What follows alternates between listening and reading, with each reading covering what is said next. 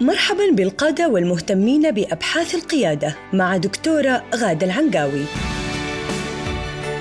حيث تقدم لكم أبعاد القيادة المتعددة للمنظمات وفرق العمل.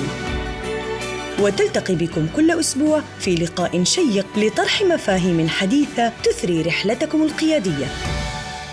مستمعينا الكرام أينما كنتم السلام عليكم ورحمة الله تعالى وبركاته. وحياكم الله في حلقة جديدة من بودكاست القيادة مع الدكتورة غادة طلال العنقاوي المتخصصة في مجالي القيادة والتعليم. حياك الله دكتورة غادة. أهلا وسهلا عبد العزيز. أهلا وسهلا فيك. دكتورة غادة تحدثنا في الحلقة السابقة عن التحرر وذكرتي أنه مهم جدا للتبصر وهذه هي التاء الثانية وطبعا هو مهم نعم. للتبصر ومهم للتحرك ولكن في هذه الحلقة سنركز أكثر على موضوع التبصر. في البداية ما نعم. هو التبصر؟ التبصر آه، هو طلب البصيرة والبصيرة من البصر والبصر هو الرؤية والقدرة على ان أن ترى ما حولك آه، بوضوح آه، و بالنسبة للرؤية والبصيرة قد تكون أيضا معنوية بمعنى أنك آه، ترى ما هو آه، أمامك مستقبلا أو ما هو غيبي أو ما هو بعيد عن متناولك. تراه في ذهنك. فالتبصر هو طلب البصيرة وطلب الرؤية وطلب الوصول إلى معنى وغاية وهي صفة من صفات القيادة الحدثية يعني القائد آه، النيو كاريزمي إذا نبغى نرجع للحلقات السابقة آه، عنده قدرة نفاذ بصيرة عنده تبصر يرى ما لا يراه الأتباع آه، لخبرته لأشياء كثير. ولكن أيضا هذه الصفة يمكن تنميتها من خلال أنشطة معينة ذهنية. والتبصر في القيادة الذاتية وهو موضوع حلقاتنا هذه الأيام يعني أربع خطوات. رسم الرؤية المستقبلية كتابة الرسالة الشخصية ترتيب القيم وتحديد الأهداف. جميل. إذا مرة أخرى رسم الرؤية كتابة الرسالة تحديد القيم.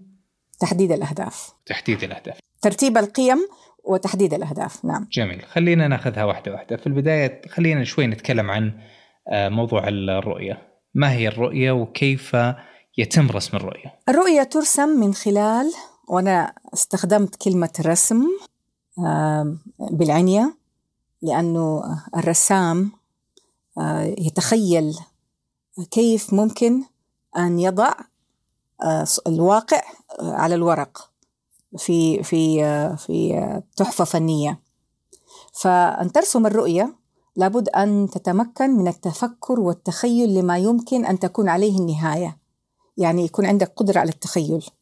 سواء كان التخيل هذا على شكل صور متحركة أو ثابتة أو على شكل معاني آه، أنا ما أعرف إيش معنات التخيل على شكل معاني بس قيل لي ليس كل الناس يرى صور. آه، بعض الناس يرى آه، معاني منتجات مخرجات أو أشياء محسوسة يشعر بها شعور حسب يعني الشخص هل هو بصري شعوري آه، حسي. وهذه الرؤية للنهاية والتخيل للنهاية أنا أنا بالنسبة لي أنا بصرية أنا أرى آه، صور وأراها متحركة. وأعني بالنهاية النتائج والمخرجات من سعي ما لغاية ما.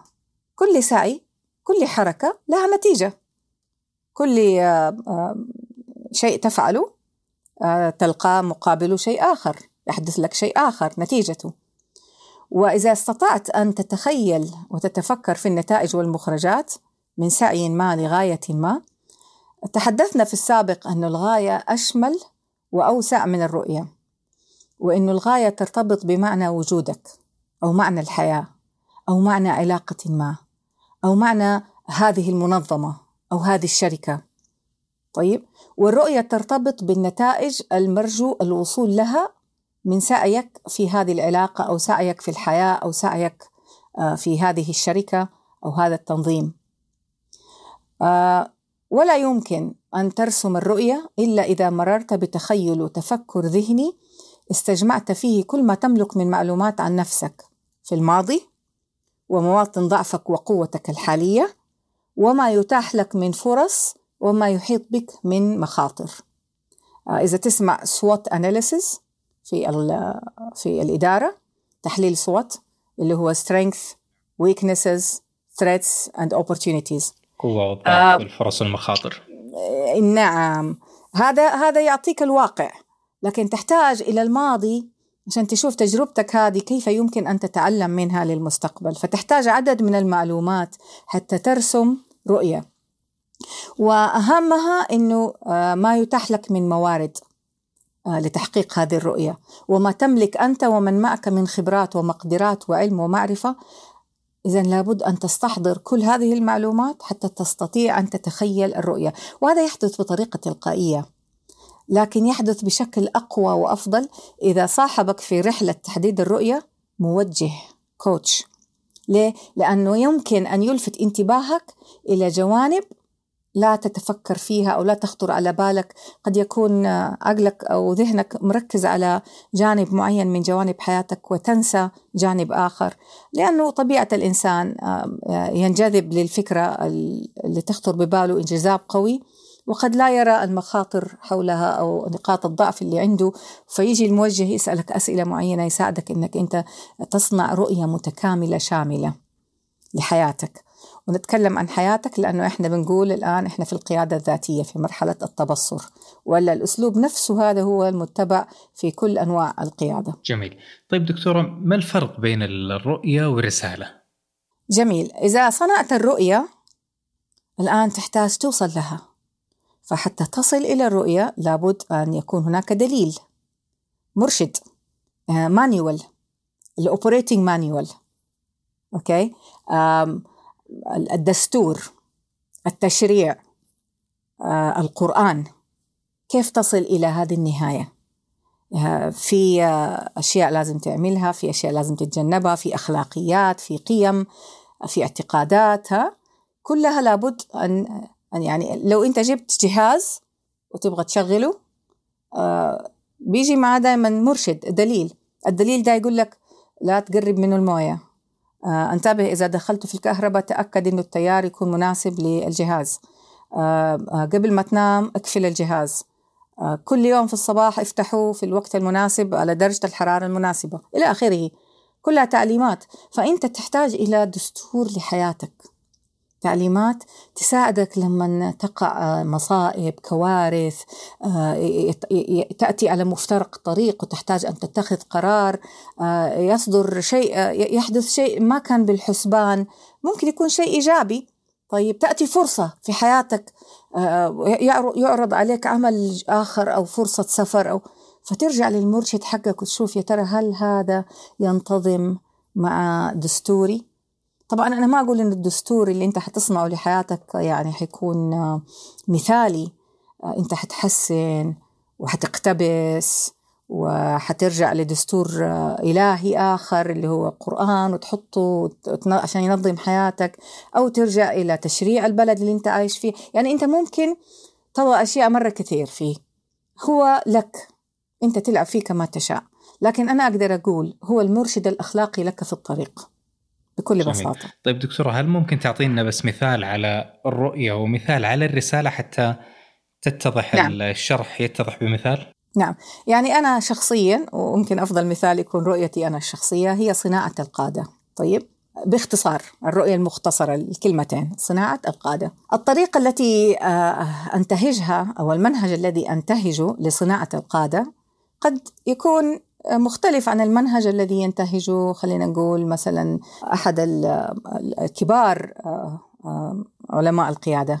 آه، أنا طريقتي هي توجيه قيادي ودورات تدريبية في جانب معين ولفئة معينة ولمستوى قيادي معين.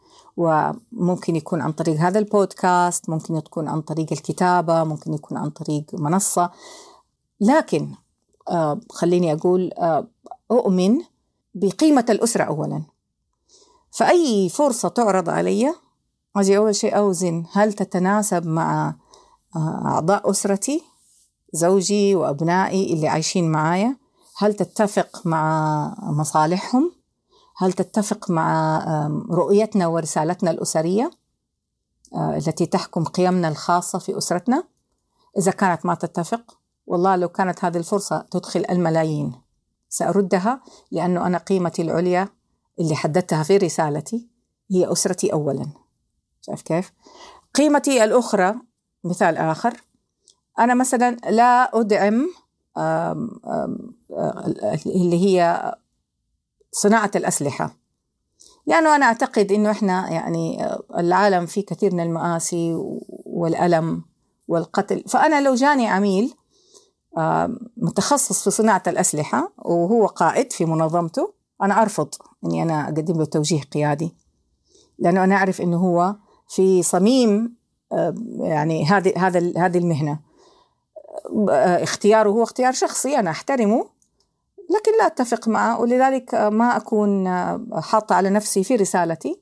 لأن أكون رسالتي هي رسالة سلام. كيف؟ فهذا هذه شخصي. قد يكون أنت عندك برضو نفس الشيء عندك تفضيلات شخصية في رسالتك لقيم معينة لطريقة أداء معين. فكل إنسان في رسالته دستور يحكم مبادئ حياته ورؤيته تكون مختصرة وصغيرة. فهذا مثال إجابة لسؤالك. جميل.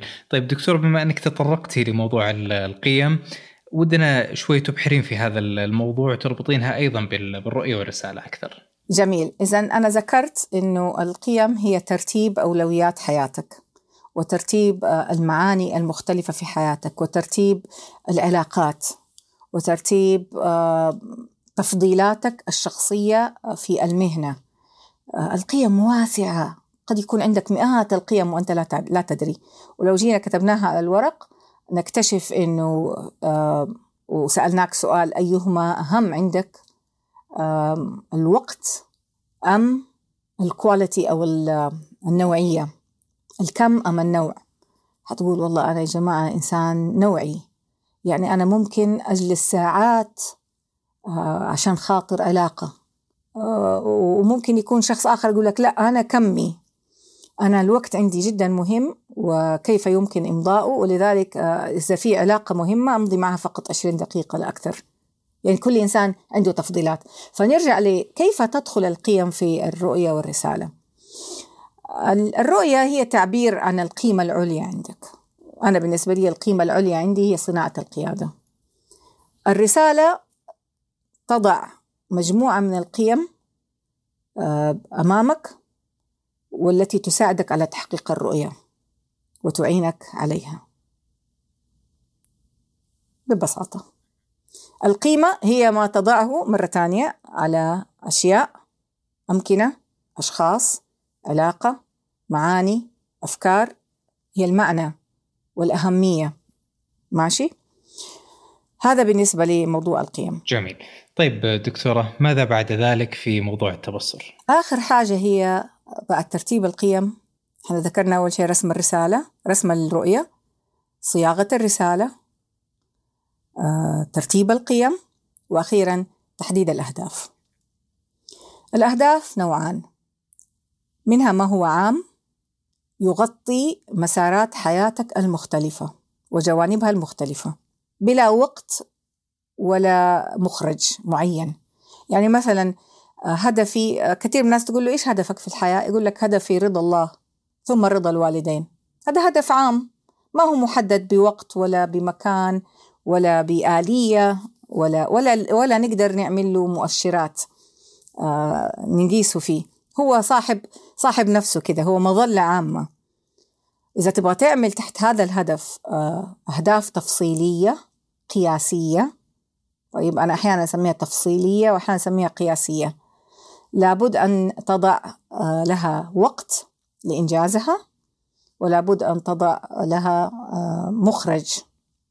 إيش تبى تحقق من خلالها؟ مخرج يمكن وصفه بالحواس.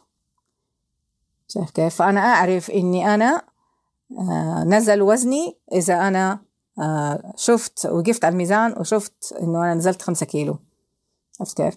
أو أعرف إنه أنا صحتي صارت أفضل لما أعمل التحليل الجي حق الكوليسترول ويطلع معايا كذا كذا. عرفت كيف؟ أو أعرف إنه كل ما أقيس السكر ألاقيه مضبوط. هذه كلها أهداف قياسية. طبعا أعرف إني أنا حققت القيادة الذاتية عندما أستطيع أن أوجه نفسي لما أكون معرض لموقف سلبي لهجوم مثلا إحباط خططي ما مشيت. طيب إذا عرفت إذا إذا قدرت لما أتعرض لهذه المواقف السلبية المحبطة في الحياة إنه ما ياخذ مني أكثر من دقائق وأرجع أقول لنفسي خلاص خير حصل خير ححاول تاني. عرفت كيف؟ إذا أنت إذا أنت من هذا النوع اللي توقف بعد ما تطيح على طول معناته أنت قدرت تحقق القيادة الذاتية. ما في شيء ما في شيء يحبطك. ما عندك مستحيل. إذا أغلق طريق ينفتح الآخر. وهذا طبعا نتيجة الثلاثة الأشياء دي التحرر والتبصر والتحرك. طبعا آه نرجع مرة ثانية للأهداف. فالأهداف هي الآلية اللي حتنفذ بيها رسالتك حتنفذ بيها رؤيتك وتحقق بيها غايتك وتصبح رسالتك تمشي على الأرض معك. هي الآلية. فإذا ما في أهداف ما في فائدة من الرؤية والرسالة تصبح معلقة على الجدار. لذلك إذا دخلت منظمات ولقيت رسالة ورؤية جميلة جدا على الجدار ولكن الناس اللي بيشتغلوا هناك ما بينفذوا هذه الرسالة والرؤية بيتعاملوا مع الناس غلط بيناقضوا بكل بساطة الرسالة والرؤية في جهة وسلوك الموظفين آه، أو القيادات في هذه المنظمة في جهة أخرى. تعرف أنه هذه الأهداف اللي وضعت أهداف عامة ما تم تفصيلها ولا وضعت لها مؤشرات أداء ولا مخرجات وبالتالي ما ارتبطت السلوكيات في هذه المنظمة إلا فقط بهدف واحد هو تحقيق الربح بنسبة كذا في نهاية السنة. عرفت كيف؟ وهذه كثير ما نشوفها يعني. آه أيا كان نوع الهدف أو الأهداف لابد أن ترتبط وتنبع من قيمك وتسترشد برسالتك وتؤدي وتؤدي إلى تحقيق الرؤية والغاية في الحياة. لأنه آه يعني أسوأ شيء أن تقولوا ما لا تفعلون. جميل. طيب دكتورة لعلي أختم معك في موضوع المؤشرات الأداء أو الأهداف أو ال KPIs تحديدا ما هو ضابط فيها؟ يعني بعض الناس عندهم آه، أحلام جامحة مثل ما يقولون. يعني يكون مثلا اليوم رصيده البنكي صفر ويقول أتمنى أو أحلم أو أريد أن أحقق هدف أنه والله يكون في عشرة ملايين مثلا خلال سنة. ف ويتحدث مثلا حتى بعضهم عن طريقه يقول يعني طالما إني أستطيع إني أحلم فيها فلم لا. فهل هل الامر مقبول؟ أو يعني حتى بعضهم يقول مثلا هذا يدخل في قانون الجذب ولم لا. والبعض الآخر يقول لا خليك واقعي. فوش الضابط في هذا الموضوع؟ طبعا آه، من أهم آه، صفات الأهداف التفصيلية والقياسية غير إنها ترتبط بوقت وبمخرج هذه هذه أساسي. لابد أن تكون واقعية قابلة للتحقيق تتوفر الموارد المتاحة لتحقيقها. فيعني في صفات أخرى. آه، كوني أنا أحلم وأقول أنا السنة الجاية حاشتري فراري ولا حأبني بيت في فرنسا ولا حطير. يعني هذه أشياء غير واقعية ومخالفة لقوانين الحياة الفيزيائية والاجتماعية. القوانين الاجتماعية في الحياة إنه ما في شيء على الله بعزيز لكن هذه المعجزات اللي نشوفها أحيانا يعني تحصل لبعض الناس فجأة كذا يصحى يلاقي نفسه آه، ورث الملايين من شخص آه، قريب أو هذا توفاه الله. هذا هذه يعني آه، لا تنضبط في قوانين الحياة العادية وإنما هي إكرامات و يعني معجزات إلهية.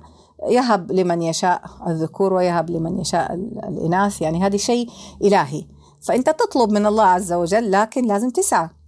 فمن غير سعي لا يمكن أن يتحقق قانون الجذب، قانون الجذب هذا يعني أنا أنا أنا يعني شوية سكبتيكال لا لا لا أنافي لكن أنا أعرف آه، من ديني الإسلامي إنه شيء في اسمه حسن الظن في الله. لذلك أنا موضوع الجذب هذا يعني أعتبره موضوع مستورد، أعتقد الأفضل إن إحنا نستبدله بالدعاء.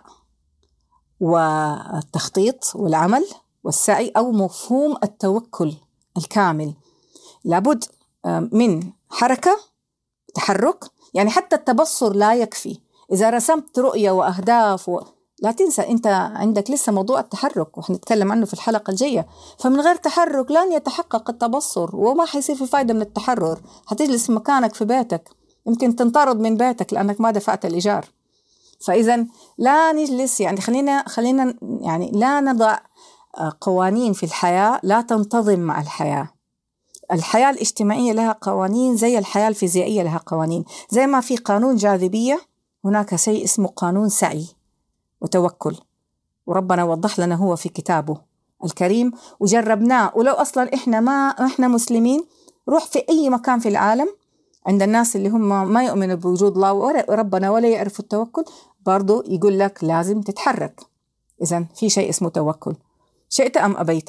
فلا تجلس في مكانك تحلم ولا تتحرك لأنه هذا منافي لقيادتك الذاتية. جميل. اذا لكل حركة نتيجة وبهذا الجواب اللي يعني سنعتبره حركة ولو بشكل ضمني نصل إلى نهاية الحلقة وهي النتيجة. لهذا الجواب نلتقيك بإذن الله الدكتوره غادة في الحلقة القادمة. كل الشكر والتقدير لك.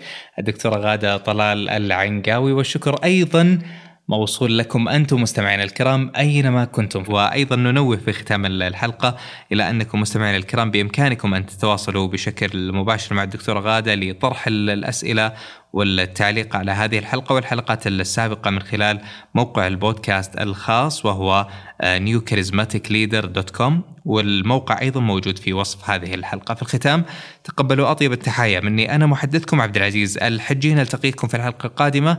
على خير. إلى ذلك الحين دمتم في رعاية الله وحفظه وإلى اللقاء. استمعتم للدكتورة غادة العنقاوي تتحدث عن قيادة المنظمات وفرق العمل في بودكاست القيادة. إلى أن نلقاكم مجدداً.